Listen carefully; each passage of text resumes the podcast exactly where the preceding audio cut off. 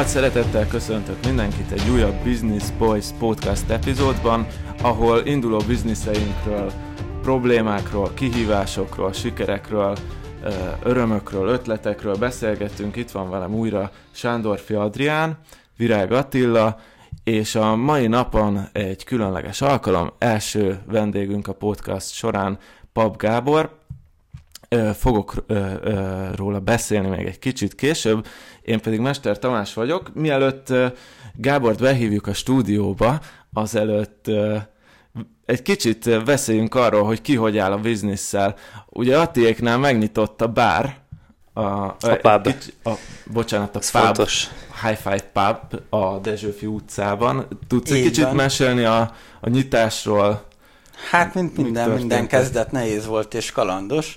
Onnantól kezdve, hogy az első napunkon volt egy, egy áramszünetünk, amikor már vendégek voltak, illetve hát azért eltelt egy-két hónap, már nagyon sok tapasztalatunk van, nagyon sok pozitív élményünk van, nagyon sok negatív élményünk van, de, de alapvetően, ugye ha már itt egy adatelemző is ül köztünk, nagyon sok adatot gyűjtöttünk, ezeket most igazából kielemeztük, és ennek megfelelően készülünk a szeptemberre. Ugye ezt alapvetően tisztában voltunk azzal, hogy a nyár az nekünk egy ilyen uborka szezon lesz, ugye egyetemisták, illetve vállalkozók sem annyira aktívak a nyár folyamán, Úgyhogy összességében én, én ideig pozitívan élem meg az egészet. Nyilván volt egy pár álmatlan éjszakánk, folyik ott a környékünkön egy ilyen, egy ilyen honfoglalós játék így a terasszal kapcsolatban, és hát küzdünk, küzdünk, de ideig tökre pozitív a, a visszajelzések, mind cégektől, mind magánemberektől, leendő vállalkozóktól, tehát, hogy, hogy dolgozunk keményen. Szuper. Na, és hogyha a hallgatók szeretnének elmenni, akkor még egyszer mondjuk el a címet.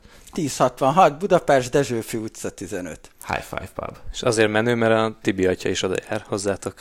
Igen, Igen. volt, volt már a Volt már nálatok a Tibi atya? Ja.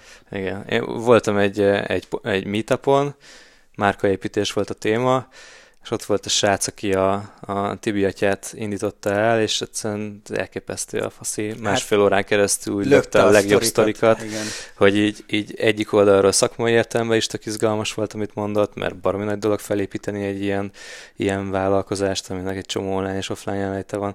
Másik oldalról meg egy tök jó arc, úgyhogy remélem, hogy majd egyszer őt is vendégként köszönhetjük. Igen, lehet egyszer meg kéne hívni majd. Igen, igen. Tomi, nálatok mi a Meséljek én? Ö, na, hát nálam az a helyzet, hogy időközben májusban, máj, igen, május volt, fölvettem végre a 6 hetes ö, ö, videókurzusomat, ami kb. fél éve dolgozok, úgyhogy megint az volt, hogy ilyen napi 10-12 órás felvétel, vágás, diákokkal konzultáció, tehát egy elég intenzív időszak volt, de most végre elkészült, úgyhogy most júliusban tesztelem azt, hogy mennyire automatizálható az egész, és hogy mennyire kellek én a folyamatba. Ugye most az jön, hogy júliusban ugyanazokat a videókat odaadom az új kurzus hallgatóknak, és akkor megnézem, hogy hogy, hogy áll a dolog. Amúgy eladásban a, a, májusi, a májusi kurzus azt mondom, hogy elég sikeres volt, mert 25 diákot akartam, és pont 25 diák lett ö, takra. Most júliusban most van, amikor vesszük föl ezt a webinárt az utolsó ö, hete a salesnek, és jövő héten indul a kurzus. Most 13-an vannak a 30-ból, úgyhogy én remélem ez meg 20-ra felmegy, de az biztos, hogy most nem lesz meg ez a 30 ember. Öm, hát reménykedem, hogy csak nyár van. Változtattál valamit a marketing eszközökön? Ö, annyit változtattam, de ez egy elég nagy változtatás volt, hogy nem volt nyitva végig a feliratkozás, han, han, a, tehát nem tudtak kurzust venni végig, hanem fel tudtak iratkozni az értesítésre, és egy hétvégés előregisztráció volt, most meg egy kéthetes normál regisztráció megy. Szerintem ez nem rossz modell, de majd még szeptemberben megnézem. Szerintem ez most csak szezonalitás. Hát meg drágább lett a kurzus, amúgy egy 100 dollárra, szóval meg az is lehet. De remélem, hogy nem az ár a, a probléma. Mennyi nyersanyag egyébként egy ilyen 6 hetes kurzust összerakni? Hány órányi uh, tananyag van benne? Hány órányi nyersanyag? Vagy hát, hogy hány, hány, hány órányi tan, tananyag? Hát egy pár hétig nem vettünk fel podcast adást, úgyhogy... Igen, igen. hát mondom, én ezzel egy hónapig ilyen 10-12 órákat dolgoztam, Hát amúgy összességében 16 lecke van, mindegyikhez két óra a nyersanyag, és ilyen 20 perces az output. Szóval ilyen. Aha. Sok, sok volt a vágás, nagyon azt majd pont itt beszéltük adás előtt, hogy azt lehet ki kéne szervezni, de ez egy másik sztori. És hogy áll a Meditable? Hát van most 16 fizető feliratkozónk, úgyhogy, úgyhogy 60%-ot nőtt a, a, a, a bevétel első jelentés óta. Egyébként meg Hát szerintem nagyon jól alakul egy csomó dolog, felépítettünk egy pár olyan belső marketing folyamatot, ami, ami eddig nagyon hiányzott. Ez most még nem hozza igazán az új usereket, de, de így alkalmassá teszi a rendszert arra, hogy, hogy elindítsuk újra a, a fizetős user terelést a, az abba um, amit most ebben a hónapban újra is kezdünk. Meglátjuk, hogy milyen, milyen, milyen hatással, és még két uh, érdekes dolog van. Az egyik az, hogy hogy kicsit intenzívebben elkezdtünk dolgozni azon, hogy legyen befektetés az appon belül, és uh, majd meglátjuk, most erről még nem akarok nagyon beszélni, mert nem akarom elkiabálni. A, elég, elég komoly potenciált látnak mások is ebben a, ebben a kis meditable és szerintem, szerintem jó úton járunk oda, hogy, hogy komoly finanszírozást kapjon a, a vállalkozás. A másik sztori pedig félig meddig személyes a te irányodba, hogy a kis kedves feleséget pont most mielőtt elkezdtük a podcastet jelezte, hogy nagyon bejön neki az app. Igen, és, és, én, én meséltem neki róla. Igen, köszönöm, köszönöm a, a marketinget. Azt mondta, hogy a, a vizualizációs gyakorlatok a, például a falmászásnál is segítségére lehetnek, mert, mert előre tudja vizualizálni azt, hogy milyen pályákon fog végigmenni. Erre nem is gondoltam eddig, úgyhogy mondtam is neki, hogy ilyen testimoniál jelleggel majd valószínűleg egy, egy ilyen review-t ki kell tenni az oldalra, mert hogy ezek szerint még falmászás, falmászáshoz is jó a vizualizáció. Hát annak durva lélektana van azért a falmászásnak, az biztos, meg igen, igen, igen. Jó, na, és akkor kanyarodjunk rá a nap fő témájára és főszereplőire. Üdvözöljük a stúdióban Pap Gábort, Magyarország első számú SEO guruját, ezt csak azért merem így mondani, mert hogyha rákeresünk arra, hogy kereső optimalizálás, jól mondom, akkor uh, G jön föl első helyen, a thepitch.hu-nak a, az adott cikke. Um, de a de, SEO szakemberre is. De, de igen, de SEO, de SEO szakemberre is ő jön föl. Igen, igen, igen. De hogy g azért nem, nem, nem csak a SEO-ról ismerjük, nagyon sok érdekes története van, amiket különböző podcastokban hallhattatok, különböző cikkekben olvashattatok, mi, mi, mi viszont a mai napon így megpróbáljuk abból az irányból faggatni, ami a Business Boys podcastnak a, a témájához kapcsolódik, azaz vállalkozás indítás, ehhez kapcsolódó sztorik, magánéleti kérdések, döntések, küzdelmek, érdekességek. Úgyhogy, ja, és még egy érdekesség, azt elmondom, mielőtt hagyom megszólalni G-t is, hogy uh, mi g Nem, ez egy olyan adás lesz, amivel a vendég nem szólal meg. Lehet, hogy nincs is itt a stúdióban, csak azt kamusztik. Ja, így könnyű lesz meghívni a Tibi atyát is. Igen, szóval, hogy két hétig kollégák is voltunk G-vel egy rövid időszakig. De így van, így van, majd erről is mesélünk, üdvözlök én is mindenkit, és vágjunk bele, kezdjük el aztán nézzük meg, hogy milyen témák vannak, és akkor szépen feldolgozzuk az összes kérdést, amiről beszéltél, vagy amit most felvezettél. Oké, és ö, első kérdés csak a, a hallgatók kedvéért szerintem ö, sokan ismernek téged, lehet, hogy nem mindenki ismeri a, a pályautadat, így röviden össze tudnád foglalni, hogy hogy jutottál oda, hova most tartasz, illetve egy kicsit tudnál arról is beszélni, hogy pontosan most hol tartasz, mit csinálsz, mivel foglalkozol.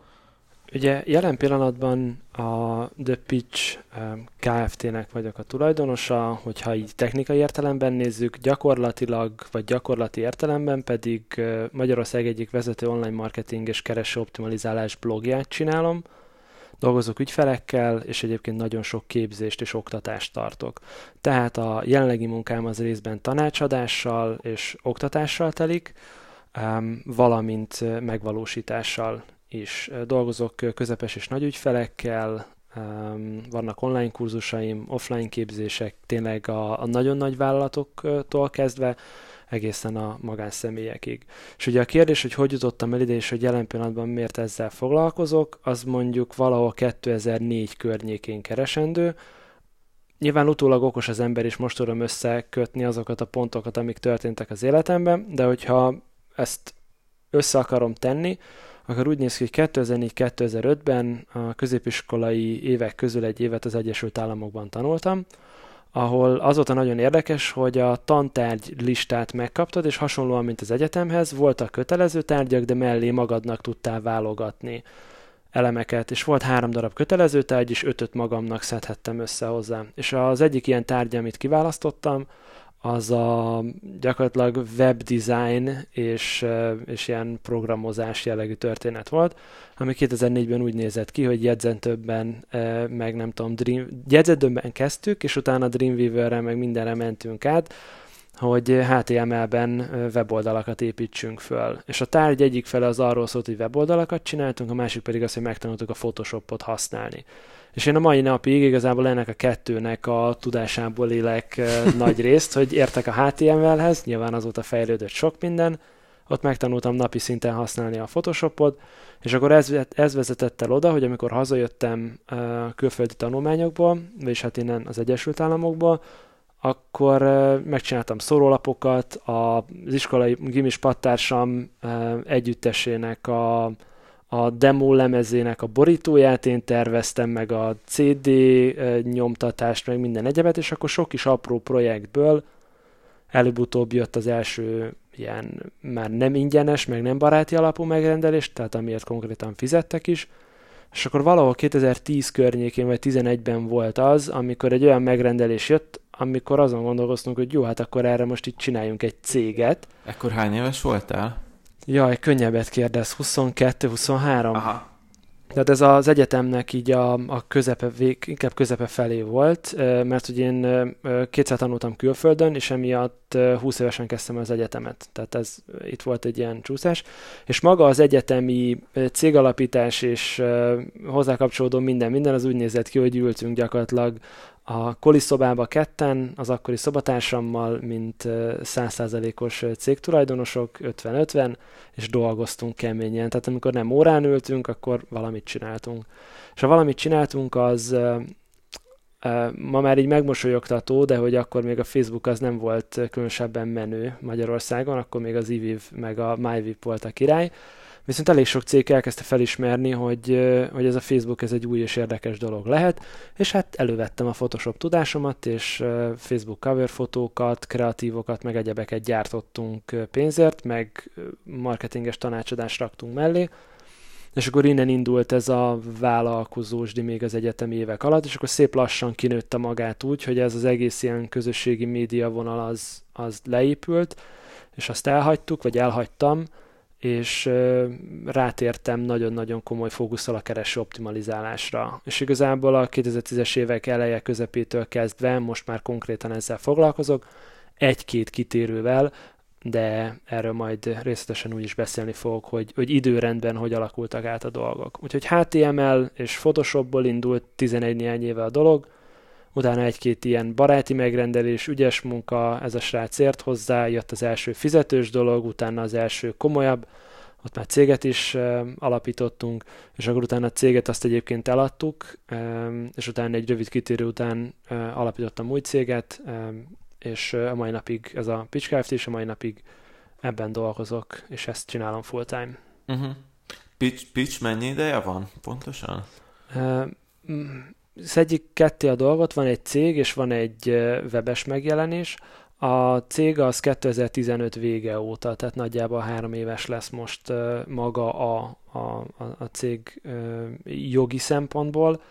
Maga a blog az 2016 elején lett rebrandelve, mert hogy ez egy 2000, talán 14 óta működő, 13-14 óta működő blog volt, amit 2015 környékén úgy parlagon hagytak, abból kifolyólag, hogy akik csinálták, azok vagy elmentek egyetemre, vagy elmentek dolgozni, és a többi, és igazából háttérbe szorult.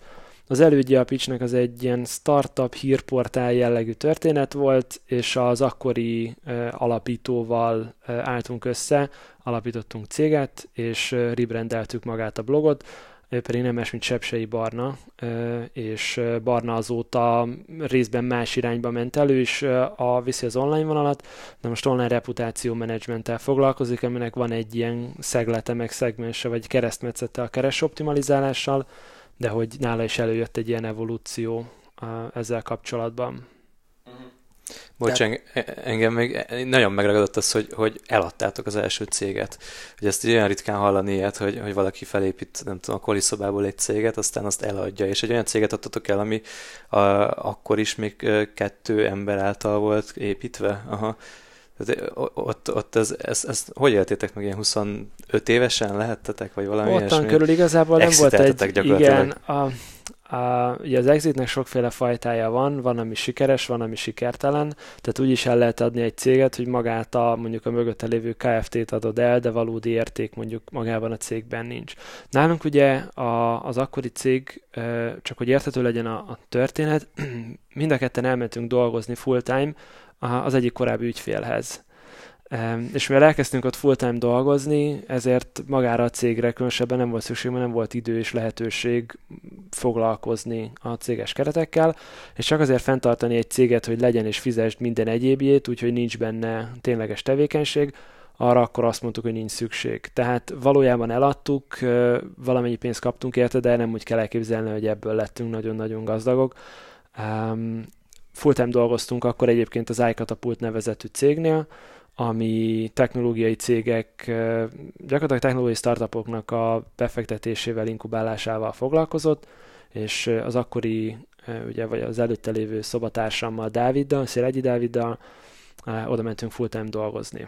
Dávid vitte az üzleti rész egy részét, én pedig a marketingért feleltem, és akkor igazából 14 környékén céget eladtuk, aki átvette, az nagyon örült neki, volt egy cége, ami évek óta működik, azt tudta használni, meg tovább tudta vinni, mi pedig full-time dolgoztunk, és akkor utána jött egy ilyen um, idézőjelbe szétválás, mert Dávid elkezdte a saját cégét csinálni, amit a mai napig is csinál, én pedig azt hiszem 14 nyarán döntöttem úgy, hogy vagy 15, 10, 14, 14 nyarán, hogy elmegyek, és csak a, csak a SEO-val foglalkozok full-time. És igazából 14 óta SEO-zok gyakorlatilag. De miért pont a SEO? Aktívan. Tehát, hogy annyi fele tudtál volna menni. Két oka van ennek a dolognak. Az egyik az az, hogy a SEO talált meg engem, és nem én a SEO-t. A ez milyen romantikusan hangzott. Abszolút, abszolút, ez egy óriási love story, de mindjárt kifejtem a lényeget. A másik pedig az, hogy egy olyan időpontban a SEO-nak az egyik legnagyobb előnye, mondjuk például egy Google AdWords-hez képest, hogy a saját munkaidődet belerakod, de nem kell extrém összegű pénzt elkölteni, és mondjuk egy ügyfélnek az elején nem is kell extrém mértékű budgetje felől gondoskodnod, vagy a felett gazdálkodnod.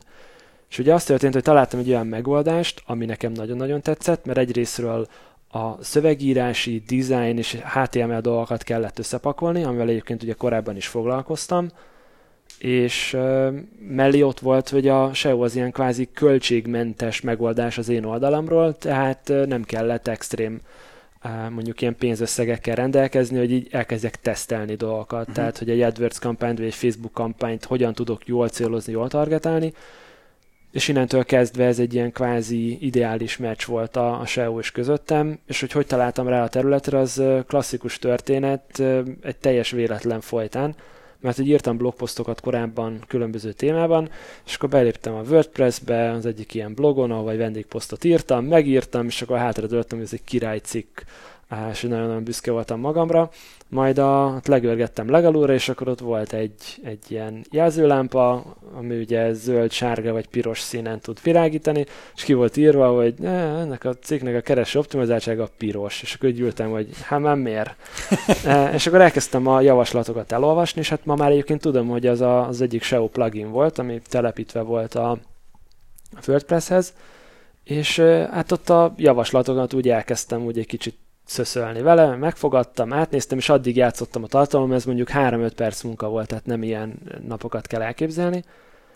És uh, addig játszottam vele, amíg azt nem írta ki, hogy zöld. Hát mondom, király, menő, most már sehoz is értek, publikáltam a cikket. Uh, és egy ilyen, és nem csináltam tényleg semmi egyebet, és egy két-három hét múlva valahogy eszembe jutott, hogy jó, hát az a kifejezés, amit én ott megadtam, amire optimalizáltam a cikket, arra így rá kéne keresni, és így rákerestem, és én voltam leginkább meglepődve, hogy a harmadik helyen ott volt az a tartalom. És akkor elkezdtem vakarni a fejem, hogy de most vagy zseni vagyok, vagy igazából csak szerencsém volt. És akkor utólag kiderült, hogy nyilván szerencsém volt, mert rátapintottam egy olyan dologra, pontosan egy olyan kulcsszóra írtam tartalmat, amire mindenki másnak egyébként rosszul optimalizált tartalma volt, tartalmilag, és nagyon-nagyon kevés hivatkozása volt azoknak a tartalmaknak a, a Google top találatok között. Tehát igazából egy véletlen folytán jutottam el oda, hogy kijött valami olyan output, ami alapján elkezdtem gondolkodni, hogy na, akkor itt most ennek utána kéne menni. És akkor elkezdtem nagyon sok cikket olvasni, jellemzően ugye angol nyelvű tartalmakat, rengeteg ingyenes képzést csináltam végig, és vettem egyébként fizetős SEO képzést is az elején, ráadásul elég drágákat is, és akkor egy szép lassan elkezdtem összerakni azt, hogy ez hogy működik, és igazából onnantól kezdve a sok tapasztalat alapján így kialakult a, a, a világ, hogy ez hogy működik, szerintem ezt hogy lehet jól csinálni, magyar nyelven hogy érdemes csinálni, és hát hogy lehet erre egyébként bizniszt építeni. Tehát oké, okay, hogy van egy tudásom, de ott jön a kérdés, hogy ezt berakod egy teljes cég mögé, ahol egy egész már meglévő cégnek a portfólióját fogod felfuttatni, legyen ez egy webshop, vagy legyen ez egy fizikai jelenléttel rendelkező vállalat, vagy valamilyen gyártócég, vagy elmész ilyen tanácsadós irányba, vagy egyébként egy ügynökséget húzol fel erre, és igazából itt volt egy döntési pont, amikor elkezdett a munka felpörögni, hogy melyik irányba fogok tovább menni. És most melyik irányba mész? Vagy most mely, mi a business modellje a pitchnek? A, menjünk vissza mondjuk három évvel ezelőttre, és akkor elmondom, hogy min gondolkoztam annak idején, hogy én belekezdek ebbe a vállalkozásba, akkor milyen kifutási lehetőségei lesznek, és akkor igazából nagyon szépen végig tudjuk majd azt zongorázni, hogy ahol most tartunk, az igazából melyik a sok közül. A 2015 őszén a három ismerősömmel a hogyha már említettünk márkákat, akkor a Deák téren van egy cserpes tejivó, és ott ültünk le, óriási zajban, mert ott állandóan zaj van, de próbáltunk beszélgetni arról, hogy mi az elképzelés azzal kapcsolatban, hogy így, így hova lehetne a pitchet vinni. És akkor az volt a fejemben, hogy nagyjából öt irányban lehet terjeszkedni, mondjuk három-négy éves időtávon belül. Belekezdek ebbe a blogba, és azt mondom, hogy ez kizárólag egy ilyen szakmai homokozó marad, de egyébként full-time dolgoznék mellette valahol. Ez egy olyan blog, vagy egy olyan felület, ahol tudok játszani, kicsit dolgokat kipróbálni, írni róla, és ez mondjuk hozzásegíthet majd időben az, ahhoz, hogy egy, hogy egy jobb munkahelyre el tudok menni. Tehát valójában ez egy ilyen szakmai homokozó és, és személyes márkai építés történet lesz, de igazából nem direkt bevétel célt vagy üzleti célt rakok mögé. A másik megoldás az az, hogy megpróbálom valamilyen formában monetizálni magát a blogot. Nyilván erre vannak különböző módszerek. Ott van például a Google AdSense, ami mondjuk 8-10 éve nagyon jól működött, hogy hirdetésekkel, meg bannerekkel telepakodol az oldalt. Ma egy ilyen nis piacon ennek nem nagyon van relevanciája. Cserébe viszont, hogyha mondjuk képzések formájába próbálsz meg bevételt generálni, akkor az egy jó módszer lehet. Tehát ott volt, hogy a blog már nem csak egy szakmai hobbi legyen, hanem az, amiről írok meg, amit csinálok, ott mondjuk képzéseket adjak el hozzá, akár online, akár offline formában. Ott van az a lehetőség is, hogy felépítek egy személyes márkát, és igazából egy tanácsadó blogot hozok ebből létre, ami gyakorlatilag inbound marketing csatorna ahhoz, hogy én, mint Pap Gábor, tanácsadó tudjak lenni, és az én szolgáltatásomat azt megrendeljék. Ott van a negyedik lehetőség, hogy konkrétan erre egy teljes ügynökséget húz fel az ember, és azt mondja, hogy a pitch az valójában előbb-utóbb át fog alakulni egy ügynökségé, és ott mondjuk kettő-három, hogyha butik ügynöks, ember dolgozik, ha butik ügynökségről van szó, vagy mondjuk 8-10-15 ember, hogyha már egy nagyobb specializált SEO ügynökséget akarsz csinálni.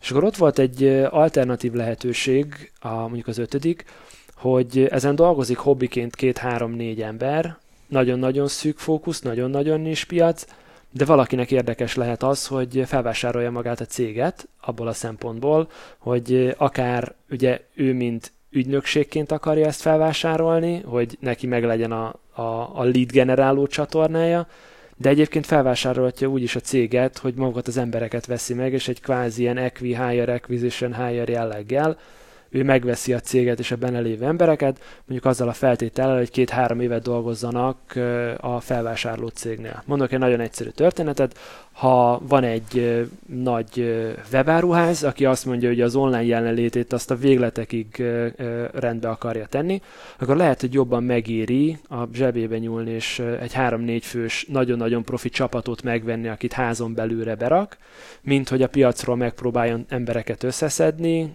és akkor őket valahogy majd összefogni. És igazából mind az öt verziónak megvolt a, a létjogosultsága, amikor elkezdtem csinálni.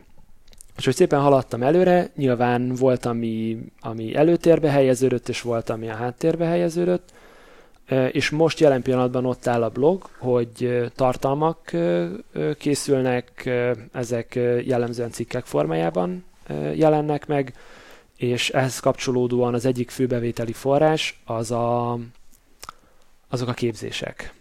Úgyhogy képzések mennek, most már 2015 vége óta, azt még viszonylag gyorsan ott az elején raktam össze képzéseket a, a, a bloghoz kapcsolódóan, és viszonylag szépen és jól mennek, erről is tudok majd részletesen beszélni. Ez mondjuk a pitch bevételének szerintem most jelen pillanatban több mint a felét adja, és ezek kizárólag online képzések, és ezen felül vannak még tanácsadás, meg egy-két megvalósítás jellegű projektek is, és akkor ez pedig a mondjuk így a maradék 40%-ot hozza mellé. Ami az érdekesebben, hogy maguk a képzések azok kvázi teljesen passzív jövedelemként jelennek meg, ugyanis ezekre a forgalmat azt az év során kettő darab akció, illetve maguk a, maguk a, a cégek és az esettanulmányok hozzák. Most a képzés portfólió az, az hát nyilván egyről indult, és most, ha jól emlékszem, ilyen kilenc környékén tart. Tehát kilenc darab fizetős képzés van, kettő darab ingyenes, akkor most dolgozok még három darab képzésemben lesz ingyenes, és meg lesz fizetős képzés is. Úgyhogy nagyjából így áll össze a történet a, a pitch vonalán. 2015 végétől a koncepciótól egészen a mai napig, ahol, ahol most tartunk, vagy tartok. Benne van még a pakliban, hogy, hogy az ötö, ötödik opció, hogy eladnátok a céget, majd hogyha valakinek pont ez a, ez a, ez a láb hiányzik a marketingből? Van, re, van, re, van realitása, sőt igazából a, az igazsághoz hozzátartozik, hogy kettő vagy három hát ha nominálisan nézzük, akkor három darab ilyen ajánlat érkezett már egyébként az elmúlt időszakban, de egyelőre mindegyikre nemet mondtam. Nem kizárt, hogy egyszer lesz egy olyan pont, amikor azt mondom, hogy, hogy igen, van egy olyan ajánlat, ami, aminek, aminek van értelme, vagy szakmai, vagy anyagi oldalról. Nyilván ideális esetben az, hogyha ha mind a kettő stimmel, de részben azért még korai fázisban van a blog eh, ehhez, de nem kizárt, hogy valaki, valaki azt mondja, hogy igen, neki ez egy, ez egy érdekes dolog lehet.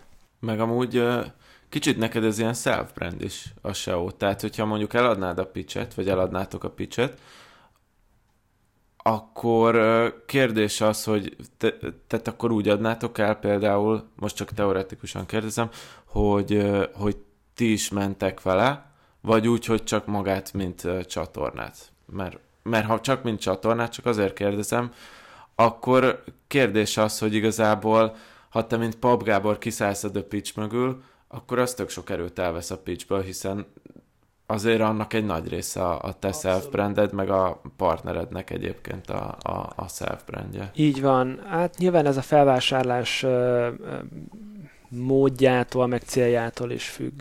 Tehát egy felvásárlás egyébként megtörténhet úgy is, hogy valaki egy az egyben átveszi az egészet, és azt mondja, hogy nem a brandet veszem meg, hanem mondjuk a csapatot veszem meg, vagy, vagy az embert veszem meg mögötte, de egyébként ott marad ez a történet is. Történet úgy is egy felvásárlás, hogy egyébként pénzügyi befektető száll be, és azt mondja, hogy ő pusztán pénzügyi érdeket tekint szem előtt, és neki az a célja, hogy minden szakmai munka az ugyanígy maradjon, mert hogy ő a, ő a ő a return on investmenten akar érdemben keresni, tehát ő pénzügyi szempontokat fog, tehát megtettem a szót magyarul, tehát ő a megtérülésre fog menni, a pénzügyi megtérülésre, nem pedig, a, nem pedig arra, hogy a szakmai munkát így elkezdje átalakítani.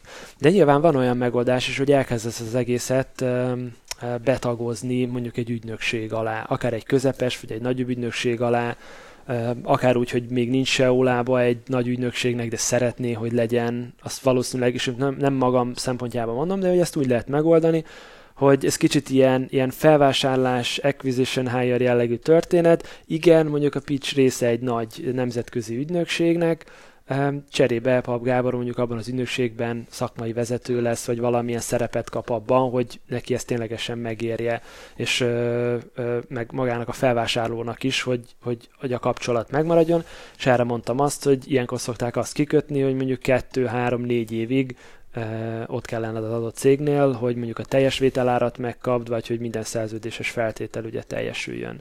Úgyhogy a, nagyon érdekes, mert hogy amiket most felsoroltam, azok közül mondjuk kettő és fél koncepció megjelent már az érdeklődésekben, amit, amit, amit, amit mondtam. Egyelőre nemet mondtam erre, lehet, hogy egyszer valaha az is lehet, hogy egy-két éven belül, az is lehet, hogy sok éven belül, az is lehet, hogy nagyon hamar erre majd sort kerül, de igazából most is az történik, hogy mint ahogy három évvel ezelőtt látom az opciókat, tudom, hogy mi az, ami kijöhet ebből, és tudom, hogy mi az, amivel én komfortos lennék. Aztán, hogyha van olyan lehetőség, akkor megyek abba az irányba, ha nincs ilyen lehetőség, akkor, akkor, akkor csak kivárok, és megnézzük, hogy mi lesz hossz közép hosszú távon ebből a sztoriból. És például az angol nyelvű ö, oktatás felé el akarod vinni a pitchet, vagy, vagy pedig az majd jön, hogyha jönnie kell? Ezen nagyon sokat gondolkoztam a kezdeti időszakban, és azt észrevettem, hogy nyilván angol nyelven elképesztően nagy verseny van SEO téren. Azért ez egy 10-15 éve aktívan működő és jól megdolgozott szakértők által, ráadásul szakértők által megdolgozott piac, mert hogy pont a SEO szakértők azok a SEO-hoz mondjuk nagyon-nagyon értenek. Hogy, hogyha megnézzük mondjuk Tomi példáját, szerintem viszonylag kevés olyan adatelemző data scientist van, aki így az online marketingnek a dolgait azt így a végletekig kifinomultan tudná. Tehát ott például óriásit lehet még dobni azzal, hogyha mondjuk nagyon jó az online marketinged data science területen. Na most, hogy a SEO-t jól seo és a SEO tanácsadásodat, meg mindent jól összeragd, az egy ilyen elképesztően kompetitív piac angol nyelven. És nem az a probléma, hogy nem tudsz jó anyagot összerakni, hanem egyszerűen a verseny miatt nem Nehéz tudsz eljutni, eljutni, így van, emberekhez. Úgyhogy én amikor ezen gondolkoztam, akkor azt mondtam, hogy először dolgozzuk meg a magyar piacot. Um, Mekkora rengeteg... potenciál van még a magyar piacban. Rengeteg lehetőség van benne. Igazából én tök transzparens vagyok ezekben a kérdésekben, és azt a blogon is minden évben ö, publikálom, hogy ö, mennyi látogató volt a blogon, milyen árbevételt sikerült ezekből elérni. És a tavalyi évben, az a 2017-es évet jelenti, a csak az online képzésekből származó bevétel az ilyen 5 millió forint körül alakult. Na, ami ha azt nézzük, az majdnem, hogy egy ilyen kvázi teljes fizetése is lehetne valakinek, aki ezzel foglalkozik, hogy ő képzéseket gyárt, mert ez ugye ilyen 5-600 ezer forint nagyságrendű havi bevételt jelent a De ezek csak online képzések, És ezek csak az online képzések voltak.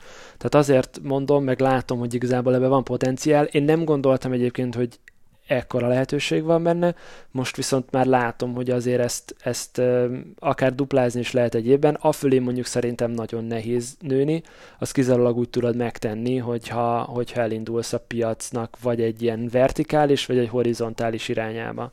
Értve ez alatt azt, hogyha horizontálisan mész, akkor ugye plusz területeket raksz hozzá, mondjuk egy Google Analytics-et, egy Facebook Ads-et, tehát a SEO lából egy kicsit kimozdulsz és termékpalettát bővítesz, vertikálisan pedig úgy, hogy vagy több és, és szegmentált képzéseket raksz hozzá SEO piacon, vagy pedig van ez a klasszikus up-market stratégia, mint ahogy Tom is említette az elején, igen, drágább lett a képzés, és akkor elindulsz árazásban fölfele. Itt vagy azt csinálod, hogy sokkal jobb és sokkal mélyebb képzést adsz el, vagy más szegmenseket próbálsz meg megszólítani a képzéssel, gondolva itt egy nagyvállalatot, egy, egy ügynökséget, aki igazából nem a, a, néhány tízezer forintos képzés kategóriában mozog egy évben, hanem egyébként évente százezereket vagy milliókat is költenek mondjuk belső alkalmazottak képzésére, tréningjére. Úgyhogy van lehetőség bővülni ezen a piacon, még azért én is próbálom így összerakni, hogy melyik a jó irány, de az biztos, hogy a időarányosan mondjuk a 2018-as év az online képzés árbevételben az meghaladja a 17-est. Tehát, hogyha minden ugyanígy marad, akkor a tavalyi 5 milliót azt, azt szerintem meg lehet előzni. Szóval itt, itt kerülgettük ezt a témát, a, a, a vertikális, vertikális, horizontális bővítés, a self de hogy bennem mindig bennem volt az a kérdés veled kapcsolatban, hogy azért te nem csak a SEO-hoz értesz. Viszont mégis az van a piacon, hogy vagy lehet, hogy csak az én fejemben, hogy Pap Gábor SEO, meg SEO Pap Gábor, ez neked egy tudatos dolog, hogy te oda pozícionáltad magadat, hogy, hogy SEO, és kereső optimalizálás, vagy ez csak így alakult, és csak véletlen, hogy te nem egy digitális marketer lettél, vagy nem egy, tehát hogy mondjuk gondolok itt arra, hogy ugye te dolgoztál egy-másfél évet a, a Shapernél, mint marketing vezető. Tehát az, az sokkal több, mint SEO volt ez a meló. Még, mégsem úgy ismerünk téged, mint Pap Gábor a marketing vezető. Ez egy tök tudatos döntés volt. Méghozzá azért, mert hogyha nagyon-nagyon fókuszálsz egy területre, akkor tudsz egyébként hiteles lenni saját magad számára is, tehát akkor tudsz kellő mélységbe elmenni, és akkor tudod azt megmutatni a külvilág számára is, hogy te nem az az ember vagy, aki ért az e-mail marketinghez, a Facebook ads-hez, az Analyticshez, az AdWords-hez, az AdSense-hez, meg egyébként a SEO-hoz is, Ja, egyébként bármikor tudok photoshopolni, meg weboldalt uh, reszelni. Mert akkor az történik, hogy ilyen közepes szinten értesz nagyon sok mindenhez, ami egyébként ideális lehet akkor, hogyha a saját cégedet akarod bootstrappelni. De amikor arról van szó, hogy képzést kell csinálni valamiről, vagy uh, oktatást kell tartani, vagy egyébként nagyon-nagyon mély szakmai szinten tanácsadást, akkor nem elegendő az, hogy értesz mondjuk a SEO-hoz középszinten, meg mondjuk két-három területhez is valamennyire. Tehát az egyrésztről egy stratégiai döntés volt, hogy én SEO-ra fókuszálok, és onnantól kezdve a branding kérdés is viszonylag egyértelmű volt. Nekem volt egy nagyon nagy előnyöm SEO szempontból, meg egy nagyon nagy hátrányom. Én autodidakta módon tanultam meg mindent a SEO-ról, kizárólag online forrásokból. Tehát nem dolgoztam soha olyan emberrel, aki mondjuk SEO téren nálam szeniorabb lett volna, nem dolgoztam olyan ügynökségben, ahol mások érthettek volna, vagy értettek a, a, a SEO-hoz, és nem dolgoztam olyan céggel sem, ahol egyébként belső munkatárs SEO-ban szeniorabb lett volna. Tehát amit megtanultam, azt magamtól tanultam meg, innentől kezdve kialakult egy saját gondolkodásmódom, stílusom, meg rálátásom magával a területtel kapcsolatban, és akkor igazából azt kezdtem el lefordítani az üzleti nyelvre. És az igaz, hogy értek egyébként több területhez is, tehát a pitchen a design egy része az az én munkám, a site buildnek egy része is, bár azt, azt, azt inkább szeretem a, profikra hagyni. A cikkhedőröket azt kicsinálja. Azokat én csinálom. Azokat mind. te csinálod? Azokat mind én csinálom. Aha. Tehát a design, a szövegírás, a bármi, ami közösségi média, ami paid ads, az e-mail marketing, azok mind hozzám tartoznak, és azokat mind én csinálom. Én setupoltam őket, én üzemeltetem, eh, én fizetem, tehát hogy mindegyik része ezeknek a dolgoknak hozzám tartozik élvezem, szeretem, értek hozzá, az mondjuk más kérdés, hogy tanácsadás és megvalósítás jelleggel másnak nem vállalok minden, minden, mindent, mert egyszerűen így felőrlődsz az egész történetbe. De hogyha valahol át kell látni egy ilyen dolgot, és mondjuk tanácsokat kell adni egy-két helyen, az tök jól működik. Úgyhogy az egy tök tudatos döntés volt, és tényleg abszolút fókuszáltam erre, hogy SEO legyen a, a központba, és ez egy jól kommunikálható dolog legyen, mert később ez, amit piacosítani tudsz. Az, hogy ezt még ki tudod mással egészíteni, az egy tök jó kiegészítő történet. És így jött egyébként képbe annak idején 2016-ban, a 2016 májusában, a, vagy tavaszán a, a Shaper, ott egészen konkrétan az történt, hogy én személyesen ismerem Patrik Vlaskovicsot, a, aki az egyik viszonylag ismert vállalkozó, aki egyébként magyar származású vállalkozó, és egyébként New York Times bestseller író is. És én Patriknak dolgoztam több SEO-s projekten, meg többször találkoztam is vele, mert gyakran jár Budapesten, és a Shapernek az alapítója István Patrikot egy meetup után kérdezte meg, vagy hát írnek egy e-mailt, hogy tud-e valakit ajánlani nagyjából ezzel a, a skillsettel. És akkor Patrik engem ajánlott be, és végül így kerültem magához a Shaperhöz. Tehát ott nem aktívan kerestem, vagy nem aktív munkakereső voltam, hanem volt egy lehetőség, és akkor ott majdnem két évet voltam, ahol ténylegesen a mobil marketing és marketing rész nagy részéért én feleltem, mint stratégiában, mint megvalósításban. És nehéz döntés volt egyébként az, hogy a pitch mellett, vagy úgy félig meddig azért a pitch helyett is, hiszen akkor, hogyha dolgozol full akkor semmiképp sincs annyi időd, mint előtte, hogy oda menj, és ne a pitchet csináld? Nehéz döntés volt, akkor abszolút jó döntést hoztam, és most az utóbbi időben kezdtem el azon gondolkodni, hogy evolúciós szempontból nagyon jó döntés volt oda elmenni dolgozni, viszont utólag rájössz, hogy, hogy hogy nem biztos, hogy egy olyan típusú hely a legjobb számodra vagy neked. Mondok egy nagyon érdekes párhuzamot, és mi Tomival ketten érteni fogjuk, de remélem a többiek is, meg a hallgatók is, mert hogyha valaki követte ugye a pályafutásod, akkor ugye nálad úgy nézett ki a történet, Uh, by the way, hogyha ezzel kapcsolatban akartok egy jó cikket olvasni és egy jó interjút, akkor a Pitchen csináltunk Tomival egy Ez a reklám helye. Abszolút, hát valahol, valahogy forgalmat kell terelni az oldalra. Na, szóval ugye ott beszél, az interjú során beszélgettünk arról, egy bő évvel ezelőtt, hogy ugye te Prezinél dolgoztál, és akkor utána láttad azt, hogy te nem csak egy dologgal akarsz, vagy egy cégnél akarod ezeket a dolgokat megélni és átlátni, ezért inkább elmennél, és tanácsadóként itt több projektbe is belelátnál, a blog pedig egy értékesítési csatorna arra, hogy te ügyfeleket szerez magadnak. És akkor utána rájössz, hogy tök jó ez a blogolás, de hogy milyen jó lenne igazából az, amit megtanultál, na azt egy projekten alkalmazni. És ez egy projekt, ideális esetben ilyenkor egy, egy fejlettebb projekt kell, hogy legyen, ahol már így van értelme valamivel foglalkozni. Nálad úgy, hogy vannak adatok, tehát van mivel dolgozni, vannak emberek, van kivel dolgozni, és nem magadnak kell ezeket reszelni. És akkor ilyen egy, másfél, két évet eltöltesz egy, egy ilyen cégnél, egy nagy szervezetben, megtanulsz egy csomó mindent, és akkor menet közben rájössz, hogy az az eredeti um, ilyen vezérlő dinamika, ami téged arra sarkalt, hogy elmenj tanácsadónak, az megint csak ott lesz benned, hogy tök jó, hogy itt vagyok, és csinálom ezt, de igazából a saját dolgomat kéne csinálni. Ezért teszel még egy váltást, és elmész egy saját dolgot csinálni, viszont most már ott van 3-4-5 év tapasztalat, tudod milyen magadnak dolgozni, tudod milyen más projektjén, de full-time azon dolgozni, és elkezdesz arra rájönni, hogy lehet, hogy nem is a tanácsadó vonal a jó irány, hanem hogyha csinálok egyébként képzéseket, csinálom a blogot, van valami passzív jövedelem belőle, az egy nagyon jó, de ez egy, ez egy fontos része, a, a, tehát úgy passzív jövedelem, hogy aktívan dolgozol azon, hogy ez passzív jövedelem legyen, és mellett egyébként, hogy, hogy frissen tartsd magad, egy-két projektet azért elválasz és csinálod. Most helyettesítjük a Tomit Gáborra, és az adatelemzést keres optimalizálás, és gyakorlatilag ugyanez a történet megy végbe.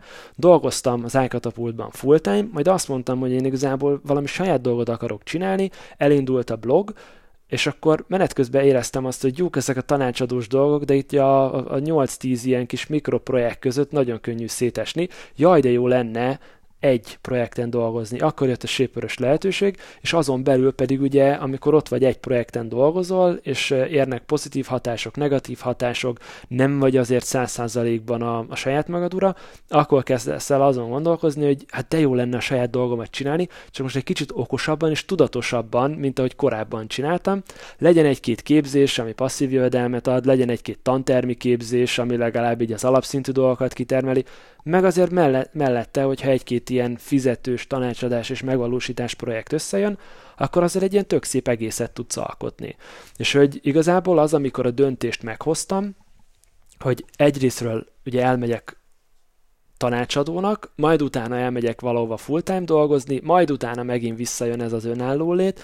Ez szerintem egy teljesen természetes, ilyen evolutív ö, ö, alakulása a történetnek, és nagyon sok olyan szakértő van, aki számára ez egy teljesen valid út, és nem kell attól megijedni, hogy én most elmegyek valahova dolgozni, ott vagyok két évet, majd eljövök, és akkor a munkaerőpiacon azt fogják látni, hogy én egyébként így A munkából ugrálok a B-be, és jobhopper vagyok, hanem ez egy, ez egy felvállalható, teljesen tudatos döntés is lehet, és hogyha ezt jól csinálod meg, akkor igazából folyamatosan szintet tudsz lépni, csak nem úgy, mint mások a mondjuk egy céges hierarchián belül, hogy nulláról indulnak és eljutnak részlegvezetőig, és akkor a három-négy lépést meglépik, hanem igazából itt ilyen, ilyen egymással nehezen összefüggésbe hozható ugrások vannak, de hogy te magadon belül ezt tök jól le tudod kezelni. És amikor például ugye arról meséltél a felvezetőben, hogy voltunk kettő hétig, nagyjából kettő hétig munkatársak, akkor ugye ez valahol ennek az evolúciós, ilyen belső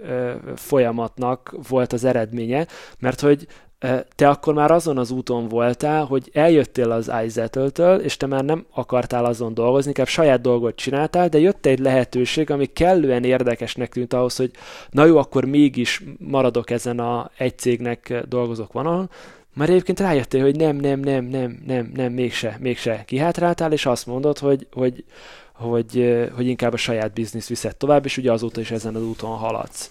Igen, uh, nagyon jól összefoglalt.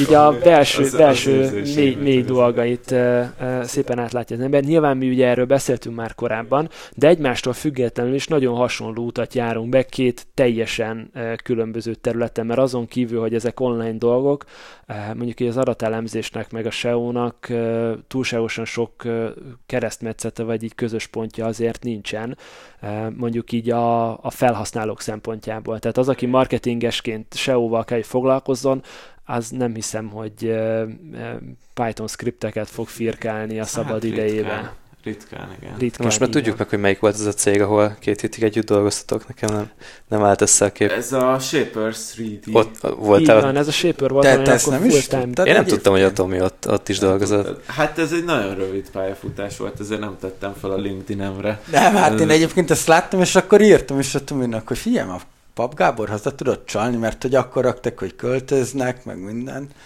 De egyébként itt a, itt a Gábor felvetette egy ö, érdekes ö, dolgot, hogy ugye te meg angol piacon vagy a Data 36-el, és hogy te meg nem láttad a magyar piacban azt a, azt a lehetőséget, vagy azt a nagy piacot, mint amit a Gábor a SEO-ban. Ennyire különböző lenne mondjuk a két ö, szegmens vagy? Hát én úgy gondolom, hogy a, ez a data vonal ez még egy szűkebb, mint a SEO. Tehát, hogy a SEO az pont az, amit itt a GL mondtak számok, azok, azok úgy pont validálják azt, hogy, hogy ez egy fenntartható biznisz.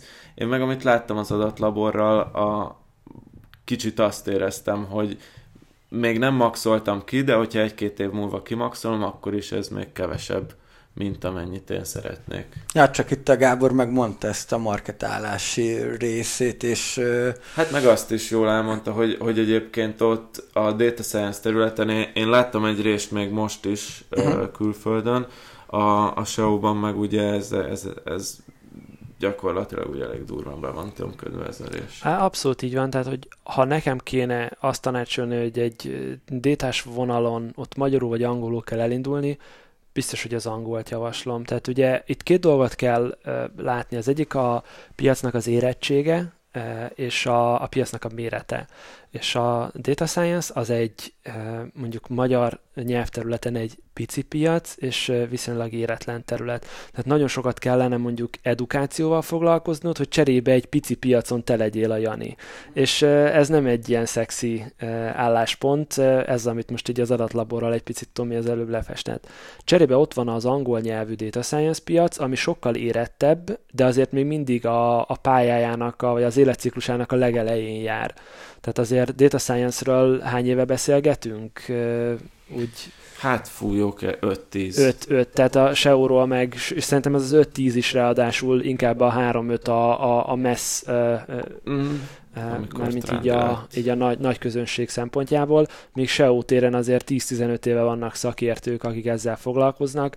Um, angol nyelven, úgyhogy az egy, az egy sokkal telítettebb piac, és nagyon-nagyon kevés a nis, vagy, vagy gyakorlatilag egyáltalán nincs nis. A másik pedig, és ez egy nagyon fontos dolog, hogy bár ma már egyre kevésbé igaz, de ahhoz, hogy nemzetközi piacon jelen tud lenni, ahhoz vagy nemzetközi jelenlétet kell, hogy legyen, vagy nemzetközi tapasztalatod. És ezt valahol meg kell szerezni, és ezt meg kell tudni mutatni és SEO-ban szerintem, mivel ott a SEO-ban SEO sok ellen mész, ott nagyon-nagyon-nagyon-nagyon-nagyon nehéz és nagyon-nagyon ja, erős so, a verseny. Sok munka. Abszolút, tehát sok munka. abszolút megcsinálható, viszont itt itt azért évek, évekről van szó, hogy ezt fel tud építeni. Tehát ha nézzünk egy egyszerű példát, én amikor kitaláltam 2016. augusztusában a, otthon a kanapén ülve, hogy hát mennyire szégyen teljes dolog már azt, hogy SEO-ban jónak gondolom magam, a blog meg 83. vagy 87. volt a keres optimalizálás kifejezésre, hogy azért ezen mégis változtatni kéne. Felépítettem a stratégiát, és 8 hónap volt, mire a Google első helyére tudtam jönni a, a keres optimalizálás ja, kifejezésre. és a, a blogon ezt olvastam is. Írtam bennem mindig ez volt um, egy kérdés felét, hogy miért, angolul miért nem kezdesz el blogolni, miért nem kezded el felépíteni, de most akkor már így válaszoltál rá. Mert régóta olvasom én is a pitchet, és így én hiányoltam azt a lábat, amin a Tomi meg ugye elindult. kurzust, jól mondom? Igen. Erről igen. beszélgettünk az egyik adásban. Ö, igen, csak hogy nem én csináltam a kurzus, csak hozzám csattantak be a kurzusok, mert ugye ezt a Máté, ugye mi is szeretnénk blogot indítani, és hát kitől mástól vegyünk, ha, ha nem tőled. És akkor odaadtam neki, hogy építkezzen, hogy a blog szeptemberre pöpec legyen, és, és ne a 86. helyen legyünk, hogyha, hogyha startup, vagy, vagy közösség, vagy, vagy meetup workshopsokra rákeresnek. Igen, majd erről fogunk egy podcastbe beszélgetni, majd egyszer a Mátét behívjuk, hogy uh-huh mennyire volt hatékonya. De ez tetszik neki egyébként. A, ha már itt, itt a ti leendő blogotoknál tartunk, Attila, a, meg így persze a Gábor felé fordulok végül majd, hogy, hogy nekem folyamatosan az motoszkál a fejemben, hogy a saját bizniszek kapcsán is, hogy hol van az a pont, ahol elkezdi megérni a SEO-val foglalkozni, abban az esetben, amikor nagyon-nagyon szűkösek az erőforrások, itt főleg időre gondolok, emberi időre, meg mondjuk szakértelemre. Az én esetem mondjuk a, a Meditable appal az olyan, hogy gyakorlatilag egy nincs egy embernyi erőforrás, amit időben áldozhatok a, a, a, a termékfejlesztésre, a marketingre, a customer service-re, stb.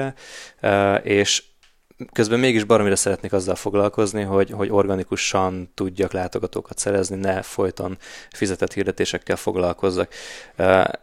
Egy, mondjuk egy kis vállalkozásnál Uh, hol van szerinted az a pont, ahol, ahol, ahol érdemes sokkal nagyobb hányadát az időnek SEO-ra fordítani, azzal szemben, hogy mondjuk fizetett hirdetéssel sokkal-sokkal gyorsabban, sokkal egyszer, egyszerűbben, de rendkívül nagy pénzbefektetéssel látogatókat hozunk?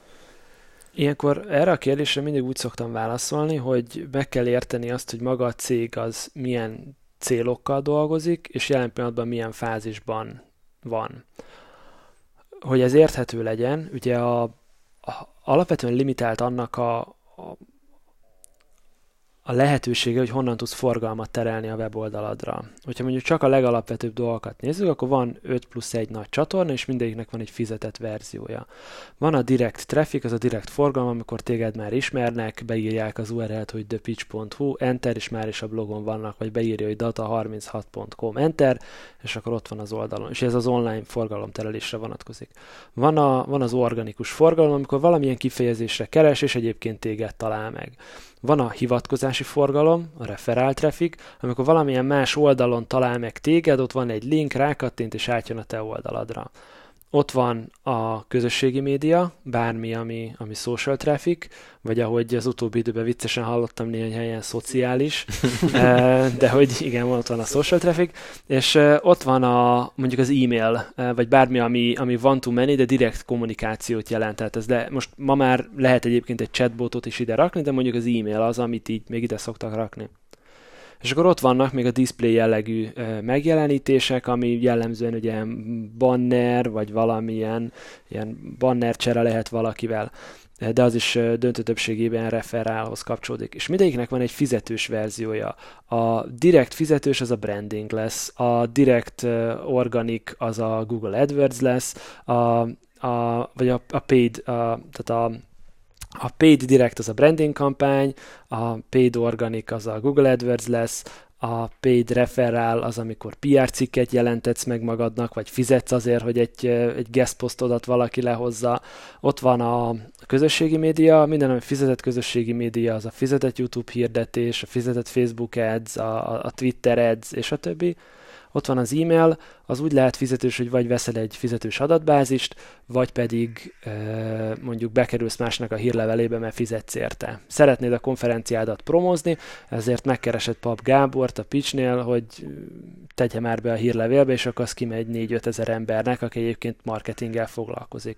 És ugye ott vannak a bannerek, vagy bármilyen display jellegű, azért is tudsz fizetni.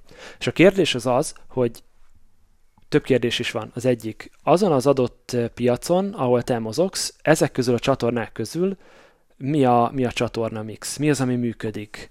A másik pedig, hogy te ehhez képest egyébként hogy állsz, és mihez van erőforrásod. Ha azt látod, hogy egy piacon elképesztően erős mondjuk a közösségi média, és nagyon-nagyon gyenge a social, vagy a, a, az organikus, akkor igazából nem biztos, hogy az lesz az ideális csatorna. Ha viszont azt látod, hogy mások a forgalmuknak a 60-70%-át keresőből szerzik, neked az meg 5-10% körül van, akkor biztos, hogy el vagy maradva.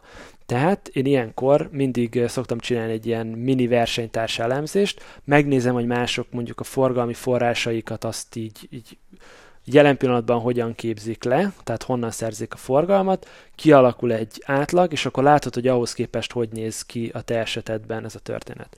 Ez az egyik része a történetnek. A másik pedig az, hogy van egy ilyen hüvelykúj szabály, amikor azt mondják, hogy a, egy tartalom vagy egy weboldal akkor jól seózott, hogyha egy éves időtávon belül a forgalmának legalább a fele az organikus. Tehát én kirakok egy blogposztot, kereső optimalizálás, ezt megnézi 5000 ember, akkor szeretném, hogy egy éves időtávon belül mondjuk 5000-en megnézik, abból mondjuk 2-2500 ember az organikus forgalomból jöjjön, hisz akkor nem az van, hogy nekem állandóan ezt posztolnom kell, fizetnem kell azért, hogy ezt lássák, e-mail, e-mailekbe kellene bejussak ezzel a, ezzel a tartalma, hanem hátradőlök, nem dolgozok, akkor is jönnek. És uh, vannak azok az iparágak, ahol a search az, az domináns. 70-80% a forgalomnak organikusból jön.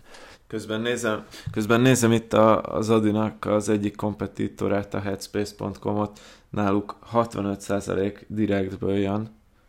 Hát már mint itt a SimilarWeb. SimilarWeb, igen, az az egyik legjobb eszköz erre. Tehát ilyen nagyon durva márkaépítésnek az eredménye ez. Elképesztő, amit csinálnak egyébként a, a Headspace-nél. Jó példa, de jó, jó, jó, jó az a tipp, amit mondtál. És akkor innen tudsz elindulni, és ugye a kérdésre is válaszoljak, hogy egy KKV-nak mikor éri meg mondjuk itt SEO-val foglalkozni, meg hogyan és miért.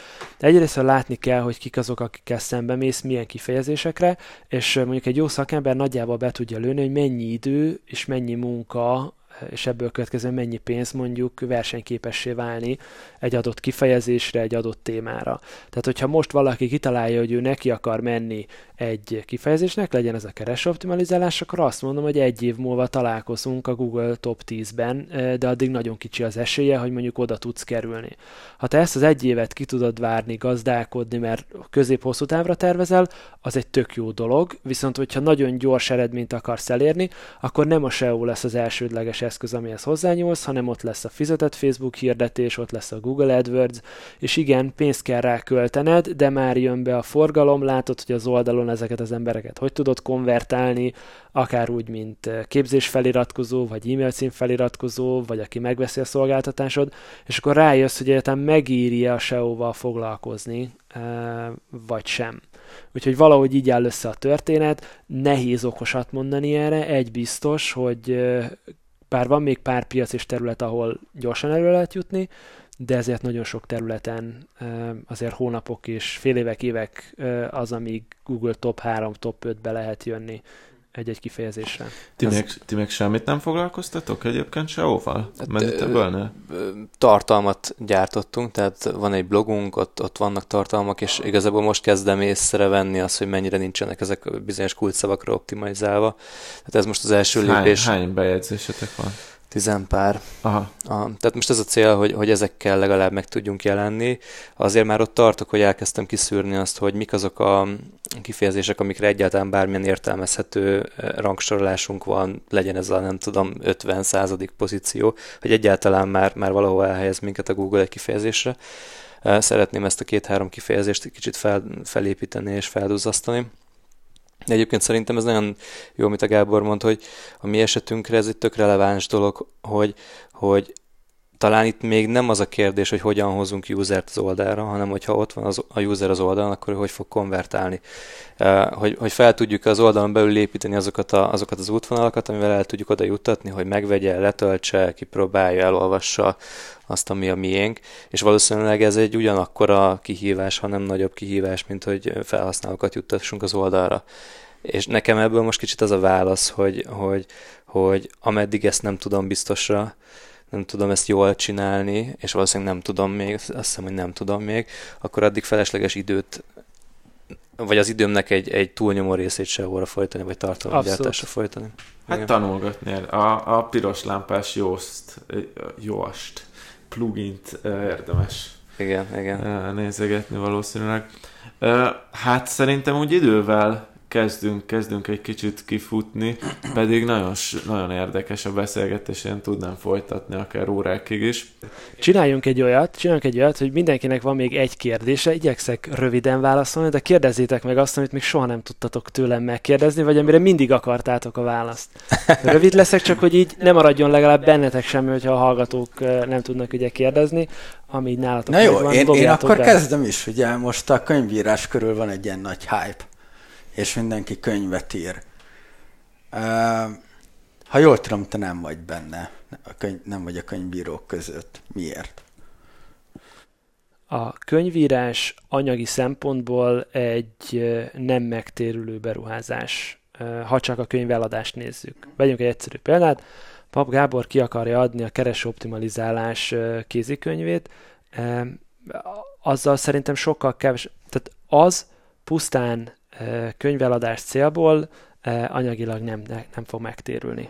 Sokkal több időt és energiát kell rááldozni, mint amennyi bevétele és lehet szakmai belőle. megítélésre? Szakmai megítélésre hasznos és jó lehet, hogyha valaki ez alapján akar brandet építeni. Itt azt kell előre végig gondolni, hogy melyek lesznek azok a források és csatornák, ahol te el tudod a könyvedet adni. Nagyon sok olyan embert látok, aki egyébként jó szakértő, aki aki a könyvét az gyakorlatilag vagy ingyen adja, vagy hazai marketinges konferenciákon, előadásokon árulja két-három ezer forintért. És ugye itt a másik kérdés az az, hogy ki az, aki kiadja a könyvet. Hogyha emögé beraksz egy kiadót, akkor lehet, hogy tudsz nagyobb mennyiségben teríteni, de, de akkor, akkor nagyon-nagyon nagy szeletétel is viszik annak a, annak a bevételnek. Ha pedig self-publishingban tudod, akkor meg, akkor meg magadnak kell az értékesítési csatornát eh, kialakítani. Hozzáteszem, eh, kettő éve fel van írva Aszanában egy olyan task, hogy egyszer lehet, hogy kéne egy könyvet írni, és mindig, amikor így felúszik a lista tetejére, akkor nagyon gyorsan lehaigálom az aljára, hogy nem, nem, nem, ezzel nem akarok foglalkozni. Uh, úgyhogy uh, Jó, tehát papír... akkor foglalkoztál a témával. A gondolattal foglalkoztam, lehet, hogy egyszer fogok írni, de ez a lehet egyszer, az nálam a, a, a nemet jelenti általában. Tehát, hogyha nincs hát- határozott elképzelés, akkor inkább ne. Jó, én tudok kettőt is. Kezdje Tomi, és akkor, akkor hát, hát ha azt akarja kérdezni, amit én akarok kérdezni. Jó, ö, nekem van egy ilyen kérdésem, hogy ugye mi, mi vagy frissen házasodott, vagy frissen eljegyzett emberek vagyunk itt veled szemben, neked pedig már két gyermeked is van, Így gratulálunk ezúttal Köszönöm is az, szépen. az újszülötthöz.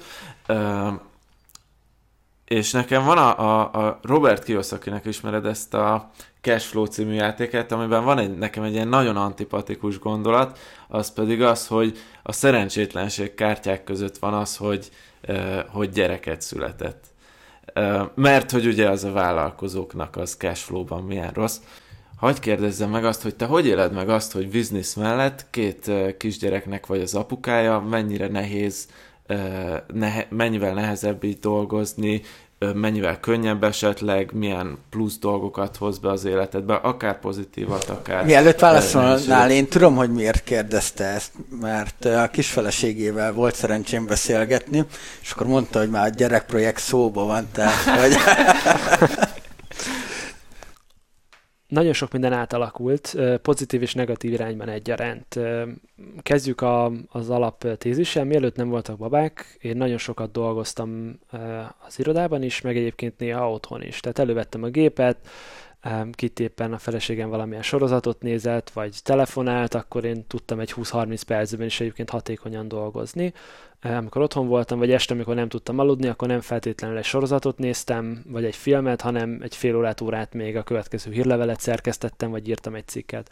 Na most ezek a, az ilyen töredékidők, meg az ilyen esti otthoni munkavégzés jellegű dolgok, ezek nagyjából megszűntek onnantól kezdve, hogy baba van E, és akkor jön a kérdés, hogy az a kiesett idő és energia, az igazából mivé alakul át. És nálam az történt, hogy a napközbeni munkavégzés az eddig is nagyon hatékony volt, de most már még hatékonyabb, mert pontosan tudom, hogy mondjuk 5 óra környékén, amikor elmegyek haza, akkor onnantól kezdve legfeljebb akkor tudok munkával foglalkozni, hogyha mindenki elaludt. És ha mindenki elaludt, az mondjuk 9-9.30-10 óra, és akkor utána még esetleg tudsz valamivel foglalkozni, hogyha akarsz. Tehát van egy ilyen része, hogy kevesebb idő jut munkára, azt viszont hatékonyabban tudod eltölteni. És ebből következően egy picit átalakult a, a munka szervezés és munkarendszerezés is.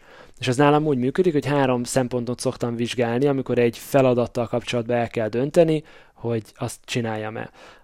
Az egyik az a, az, az impact, van-e egyáltalán hatása, a másik az importance, fontos-e az, amit meg kell csinálni, és a harmadik az az urgency, hogy sürgőse, amit meg kell csinálni. És hogyha ezt felrajzolod egy ilyen Venn diagramra, akkor ugye a, ha valami fontos, sürgős, és egyébként van hatása, azokat kell azonnal is gyorsan megcsinálni. És akkor utána vannak még azok a dolgok, amik, amik fontosak és van hatása, de nem feltétlenül sürgős, és akkor bármikor, amikor egy task mondjuk így elémugrik, vagy feljön egy ilyen ötlet, akkor így nagyon gyorsan végig tudom gondolni azt, hogy ez most mely kategóriába tartozik a sok közül.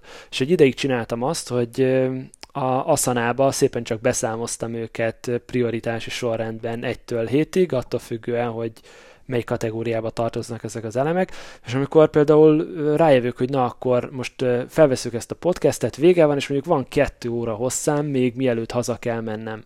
Na akkor azt a két órát, azt mivel fogom tölteni? Aztán a taskok, és akkor gyorsan látom, hogy van-e bármi, ami mondjuk egyes, kettes, hármas prioritású, és belefér két órába, vagy egy nagy részét meg tudom csinálni, király, akkor azokkal lehet haladni.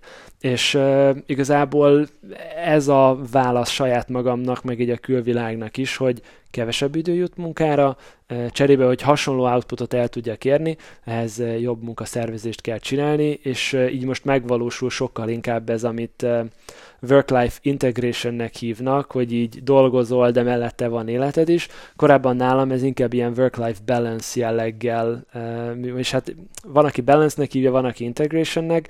A balance sokan úgy csinálják meg, hogy konkrétan elvágják, innentől kezdve nincs munka, mert hazamentem, mert család van, és az utóbbi időben nálam is egyre inkább most, amíg a gyerekek kicsik, ez, ez így alakult ki. Cserébe az integration az megvan, mert bármikor tudom azt mondani egy hétköznap, hogy oké, okay, ma nem dolgozok, cserébe átolom a, azt a munkaidőt valahova máshova. Úgyhogy én ezt így tudtam megoldani, de a home office-t ezt fel kellett számolni, tehát otthonról lehetetlen dolgozni, hogyha ha, ha kisgyerek van otthon, és sok egyéb dolog is változott, de szerintem hatékonyságban nem, nem történt csökkenés. Uh-huh, uh-huh. Hát ez szerintem mindenképpen összességében ez csak pozitív, hogyha... Ha így állítod be, akkor igen, az mondjuk más kérdés, hogy nem tudsz mondjuk annyit aludni, nem, kipihent, és akkor fáradtan kell mondjuk ugyanazt a, a melót letolni, tehát hogy vannak árnyoldala is, de hogyha húzunk egy, egy nettót a végén, akkor abszolút pozitív a történet. Jó, okay. És, és az, hogy, az, hogy most már nem csak magadért, vagy esetleg a, a, a kittiért kell felelned, mint, mint vállalkozó, mint, mint businessman, ez, ez hogyan változtatta meg a, akár a pitchnek a, a megítélés a fejedben? Más így apaként bizniszt vezetni, vagy, vagy, vagy hogy alakul ez? Erre a kérdésre a, a választ akkor lehet megadni, hogyha tudod, hogy mondjuk a, a, a jövedelem szint az milyen volt előtte, és mondjuk változik -e ennek következtében. Tehát, hogyha te egy jól menő cégnél dolgozol, vagy egy jól menő vállalkozást viszel, eh, és jönnek a gyerekek, akkor nagy valószínűséggel nem fogod megérezni azt, mert nem az történik, hogy úristen, most havonta egy százassal vagy 150-nel többet ki kell termelnem, és akkor azon stresszel, azon agyal az ember, hogy úristen, most ezt hogy fogom megcsinálni, hogy a gyereknek tudjak pelenkát venni, hogy nyáron el tudjunk menni nyaralni. Az én szempontomból, eh, és ez egy fontos előfeltétel, eh, nem okozott komoly problémát, vagy nem okoz problémát az, hogy, hogy növekednek a, növekedtek a költségek mondjuk a gyerekek miatt. Innentől kezdve engem különösebben nem stresszelt az, hogy most a gyerekek miatt is, vagy a gyerekeknek is kell uh, dolgozni. Uh, ez egy szerencsés állapot, nagyon sokan nyilván nem uh, ebben a helyzetben vannak, de engem ez mondjuk nem érintett ebből a szempontból. Tehát nincs stressz amiatt, hogy egy hónapban mondjuk három képzéssel kevesebb megy el, és akkor mi lesz hó végén az asztalon de hát nyilván ez sok év munkája ide eljutni, hogy, hogy nehezen kelljen agyalni, meg gondolkodni. Az viszont biztos, hogy az utóbbi időben azért sokkal pénzügyesebb szemmel gondolkodok a, a pitchnek a, az életét tekintve, ami vicces, mert ugye, ugye a végzettségemet tekintve pénzügyes vagyok, nem marketinges, de a pénztermelő képességére arra mondjuk, arra mondjuk így odafigyelek, és elkezdtem számolni is, tehát most már kevésbé, ami nem igaz, hogy tehát nem adhok módon csináltam eddig se a, a, a blogot, meg így a háttértörténetét, de most például az idei évben sokkal tudatosabban megterveztem azt, hogy mit fogok csinálni, minek milyen impaktja, és ez pénzben is érthető impaktja van, mint mondjuk a 2017-es évre vonatkozóan. És ez egyébként nagyon szépen segít, de ez azért is kell, mert ugye otthon már kevesebbet tudok dolgozni, akkor azt a kevesebb időt azt sokkal struktúráltabban eh, kell eh, letolni. Hogyha egyébként ez a framework valakit érdekel, akkor uh, Avinasnak van a, az Occam's Razor nevezetű blogja, és uh, ez az Impact, uh, Importance és Urgency ábra, ez onnan jön, meg lehet nézni, de hogyha meg tudjuk tenni, akkor majd belinkeljük a, a, a show notes-ba, és akkor azt meg lehet nézni. Egy nagyon-nagyon egyszerű Venn diagram, így ránézel. Nekem például hónapokon keresztül az volt a, a számítógépemen a háttérkép bármikor, amikor döntenem kellett volna, hogy úristen, és akkor jó, mindent le a desktopra, és akkor ránéztem, ja, ez egy hármas, oké, okay, akkor beírtam, hogy hármas, és akkor később, amikor visszajöttem, akkor már nem okozott mentális ilyen terhet el kitalálni, hogy ezzel a feladattal kell foglalkozni, mert hogyha van egy egyes, kettes fölötte, akkor akármennyire akarod te azt a hármas csinálni, az egyessel vagy a kettessel kell foglalkozni. Hmm. Még lehet egy kérdést? Tőlem lehet, én, nekem már nincs dolgom már. alapvetően, alapvetően ebből nem sok mindent tudunk majd kivágni, tehát ez, Igen, ez, ez, ez sajnos egy túlértékes adás lesz ahhoz, hogy most itt szanaszét vagdossuk. Nekem még egy kérdés, és örülök, hogy a pénzügyeket felhoztad ebbe a témába, mert szerettem volna a végét, és sikerült, és egy kicsit ilyen személyesebbre fordítani. A, hogy néz ki nálad a, a, a pénzköltés abban az értelemben, hogy mire fordítod a pénzedet? Hogy vannak-e olyan speciális uh, területek az életedben, amiben mondjuk így túlköltesz egy kicsit, uh, akár, akár gondolok itt képzésekre, uh, vagy, vagy mik azok az olyan mondjuk ilyen anyagi uh, szempontok, anyagi költési célok, amik így most a szemed előtt lebegnek? Nagyjából négy vagy öt éven keresztül az utolsó elköltött kiflig jegyeztem azt, hogy mire mennyit költök, és ezek szépen kategorizálva voltak, még így az app világ előtt egy sima spreadsheetben volt vezetve, és a mai napig pontosan tudom, vagy hát nyilván nem forintra pontosan, de ilyen 5-10 forintos nagyságrendre meg tudom mondani azt, hogy mire mennyi pénz megy el. Nincsenek drága hobbiaim, mert ugye a hobbim az, a, az így az online marketing világa, úgyhogy innentől kezdve van egy nagyon jó laptopom, amit nevezhetünk drágának, vagy nem, 4-500 ezer forint van, akinek nagyon drága, de mivel ez egy munkaeszköz, ami 3-4-5 évig kibírja, az egy, az, egy, az egy ilyen komoly tétel, meg van egy telefonom, ami most már lassan cserére éred, de hogy így ez így munkaeszköz, és azt leszámítva szoftvereket szoktam venni, ha így munkáról van szó, ami pedig így az élet többi részéhez kapcsolódik. Babák előtt nagyon sokat jártunk étterembe, tehát minden, ami meg, meg utaztunk.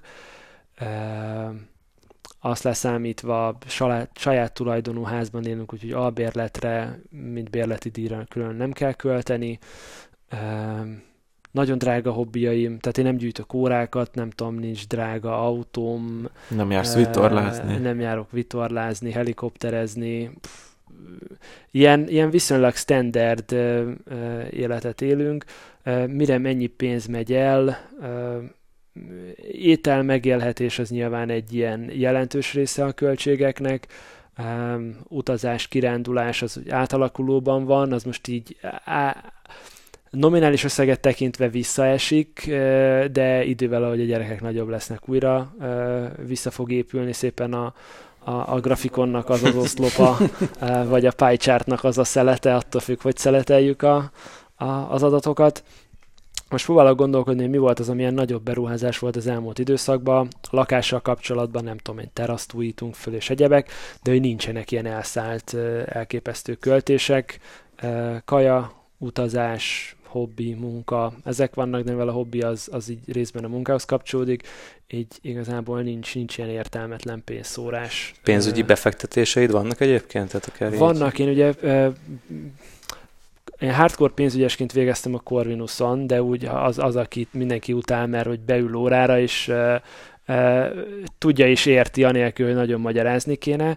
Vannak pénzügyi befektetéseim, és az, ahogy a pókerjátékosok szokták mondani, pluszban vagyok. pluszban vagyok, a mindenkori pluszban, vagy már-már nagyon közel a pluszban.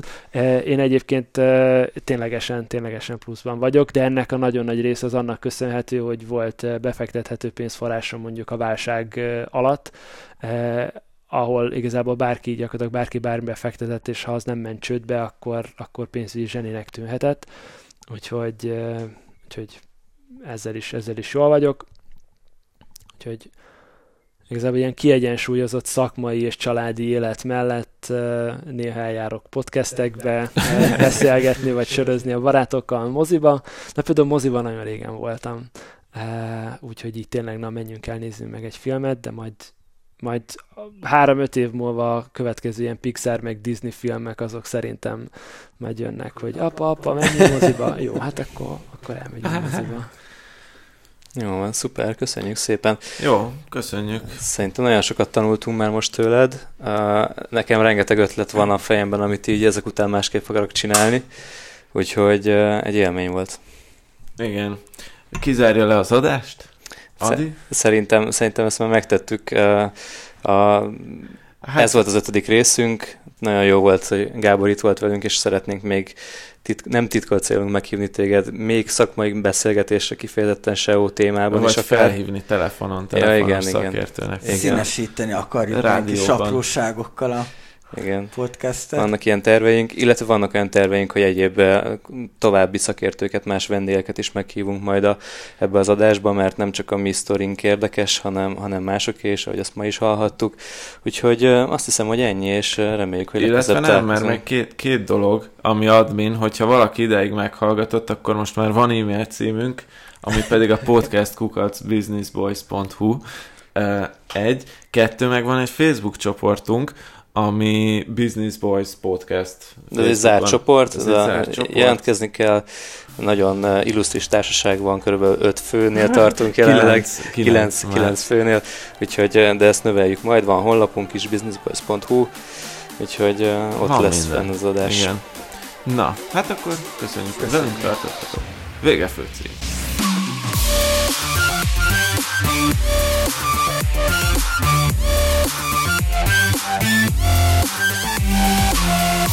We'll be right back.